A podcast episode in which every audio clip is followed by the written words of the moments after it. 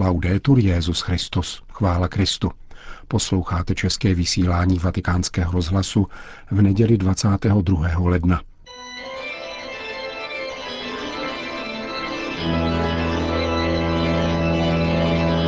Komentáři Církev a svět přinášíme zamyšlení kardinála Dominika Duky, který v rozhovoru odpovídal na otázky Johany Bronkové.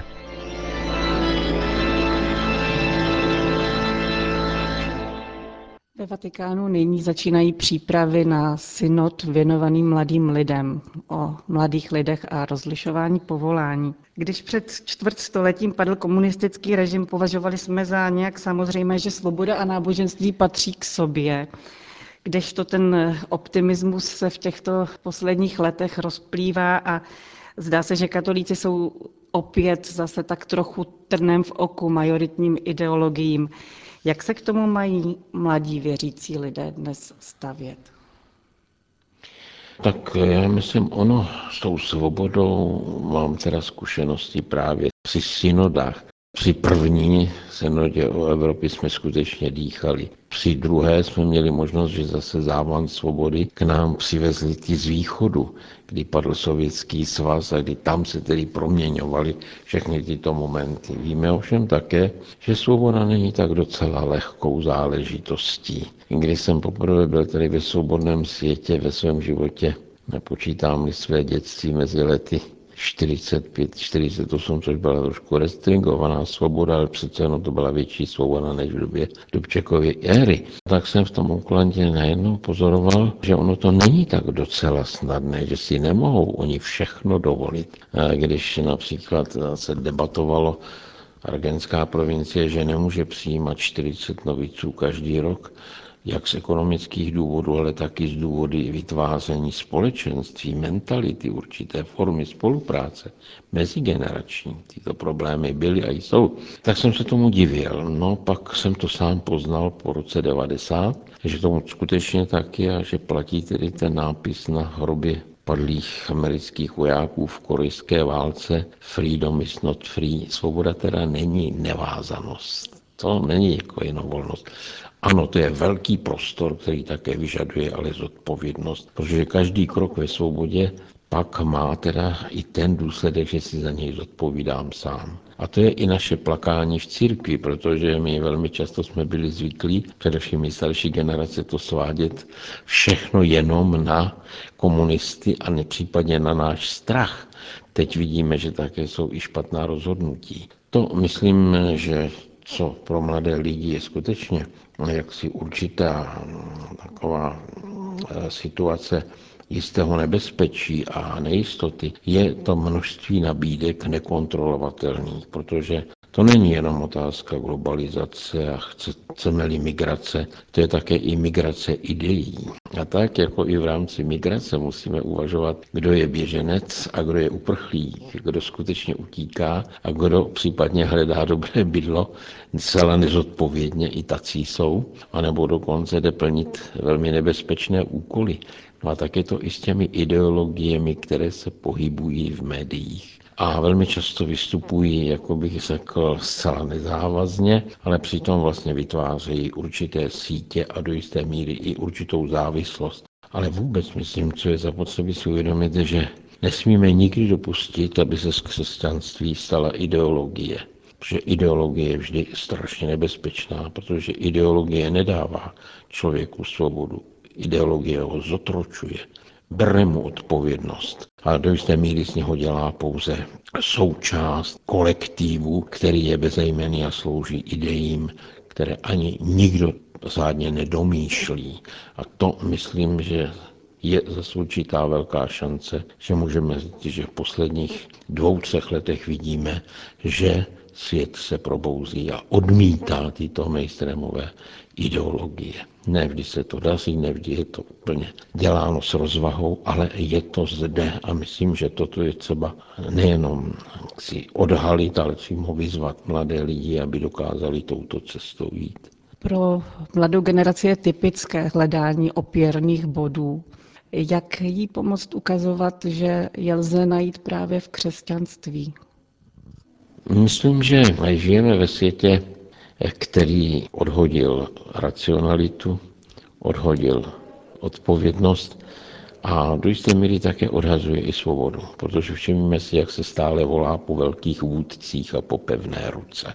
A jestliže si zaspomínáme na papeže, který nás převedl z 20. do 21. století, Jana Pavla II., který určitě patří mezi tři osobnosti, kterým vděčí svět za pád toho jednoho z nejhorších totalitních systémů, kterým byl komunismus, v části světa, pač někde ještě existuje do dnešního dne, tak on nám dal jako odkaz svoji encykliku, o tom jsem pevně přesvědčen, a to je Fides et Ratio, víra o rozum. A tady je zapotřebí si uvědomit, že v momentě, kdy budeme rezignovat na rozum, dopadne to velice špatně. Jestliže přijmeme definici člověka jako emocionální bytost, tak to stále opakují. Vím, že se to v Ostravě stalo velmi populární můj výrok, že domácí zvířata Micka i Alík jsou často empatičtější než mnozí lidé, ale určitě nikomu pak na konci života neposlouží, pač to nejsou schopni. A tady je zapotřebí si uvědomit, že integrita člověka jako rozumové bytosti, ale také bytosti schopné lásky, a to je otázka svobody, protože láska nemůže existovat bez svobody, to by byla jenom závislost tak tady je potřeba, jako myslím, těmto mladým lidem jako předložit křesťanství. Nemůžeme ho předkládat jako seznam úkolů a povinností. Nemůžeme ho předkládat jako seznam pouček. A to myslím, že je největší pokušení současné církve převést celou nauku církve do komiksů a krátkých tweetových vět. A to je cesta ne do nebe, ale cesta do pekel. Tak vznikají ideologie. Teď si vzpomeňme, co se zvalo za Adolfa Hitlera a co se hulákalo na našich náměstích v době totality, v době komunismu. Skutečně varujme se této cesty. Ehm, ano, celé jistě komiksy byly vždycky, to jsou ilustrované Bible nebo naše vitraje, že člověk potřebuje obraz, ale není možné být křesťanem a přitom nebýt myslící bytostí, schopnou skutečně žít s druhým a pro druhého.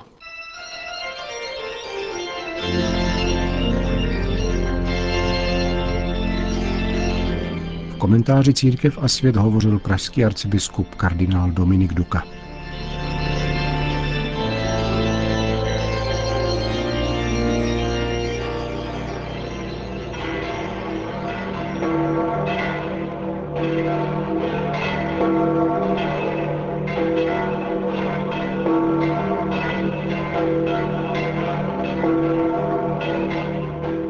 Na svatopetrském náměstí se dnes předpolednem sešlo asi 10 tisíc lidí, aby si vyslechli papežovu promluvu před mariánskou modlitbou Anděl Páně. Cari fratelli e sorelle, Drazí bratři a sestry, buongiorno. dobrý den. L'odierna pagina evangelica Dnešní evangelium podává, jak Ježíš začal kázat v Galileji. Opustil Nazaret, náhorní obec a usadil se v Kafarnaum, významném středisku na břehu jezera, obývaném po nejvíce pohany a křižovatce Středomoří a mezopotámského vnitrozemí. Tato volba ukazuje, že adresát Ježíšova kázání nejsou pouze příslušníci jeho národa, nýbrž ti, co patří ke kosmopolitní pohanské Galileji. Takové bylo její jméno. Toto území, viděné z hlavního města Jeruzalém, je zeměpisně periferií a nábožensky je nečisté, protože bylo plné pohanů, tedy těch, co nepatřili k Izraeli. Z Galileje se neočekávaly velké věci pro dějiny spásy. Avšak právě odtamtud se začalo šířit světlo, o kterém jsme rozjímali během minulých nedělí, Kristovo světlo.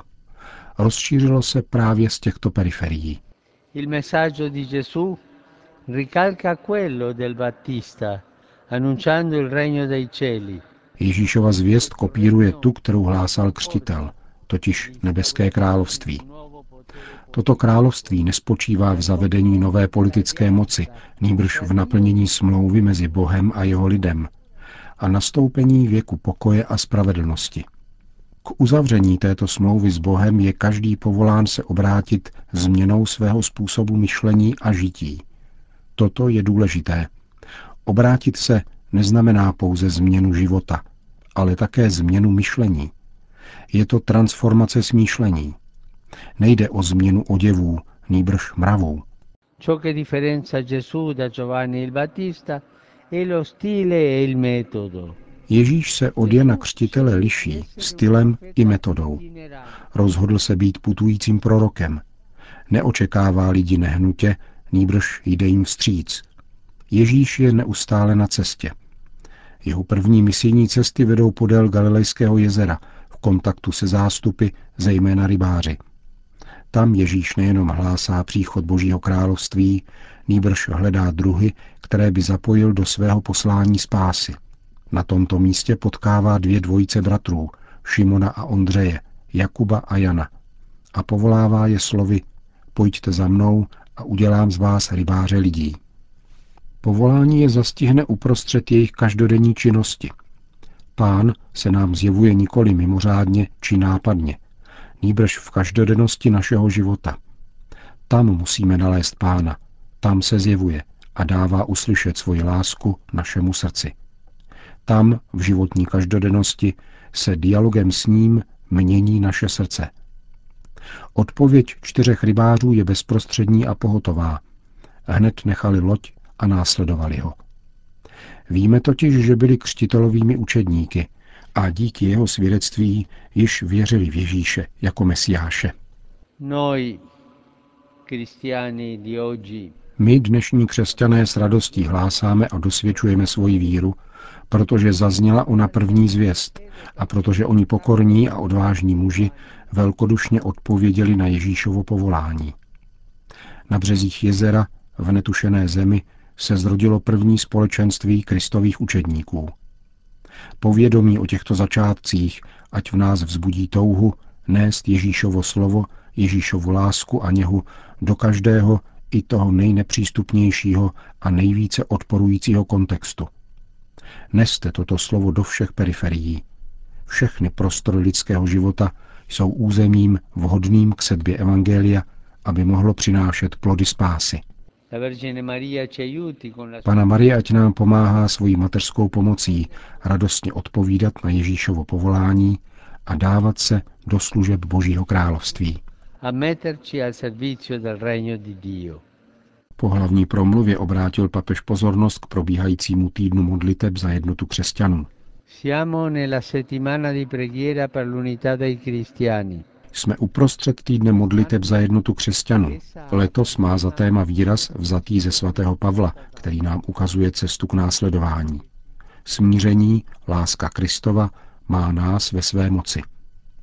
Příští středu zakončíme tento týden modliteb slavením Nešpor v bazilice svatého Pavla za hradbami za účasti bratří a sester z ostatních církví a církevních společenstvích působících v Římě. Vytrvejte v modlitbě, aby se naplnilo Ježíšovo přání, ať všichni jsou jedno. K aktuální situaci v Itálii pak papež dodal. Zemětřesení a silné sněžení v minulých dnech opět vystavilo těžké zkoušce naše bratry a sestry ve střední Itálii, zejména v Abrucu, Marke a Laciu. Jsem na blízku modlitbou a sympatiemi rodinám, které ztratili svoje drahé. Povzbuzuji všechny, kdo se velkodušně zapojili do záchranných prací, jakož i místní církve, které se snaží poskytovat úlevu ve strádáních a těžkostech. Díky za tuto blízkost, za vaši práci a konkrétní pomoc, kterou přinášíte. Modleme se nyní společně k Matce Boží za oběti a také za ty, kdo se velkodušně účastní záchranných prací. Po společné mariánské modlitbě pak svatý otec všem požehnal. Sit nomen Domini benedictum. Ex hoc nunc et usque in seculum. Aiutorium nostrum in nomine Domini. Qui et terram. Benedicat vos omnipotens Deus, Pater et Filius et Spiritus Sanctus.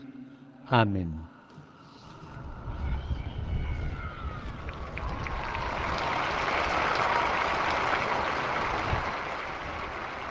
Končíme české vysílání vatikánského rozhlasu. Chvála Kristu, laudetur Jezus Christus.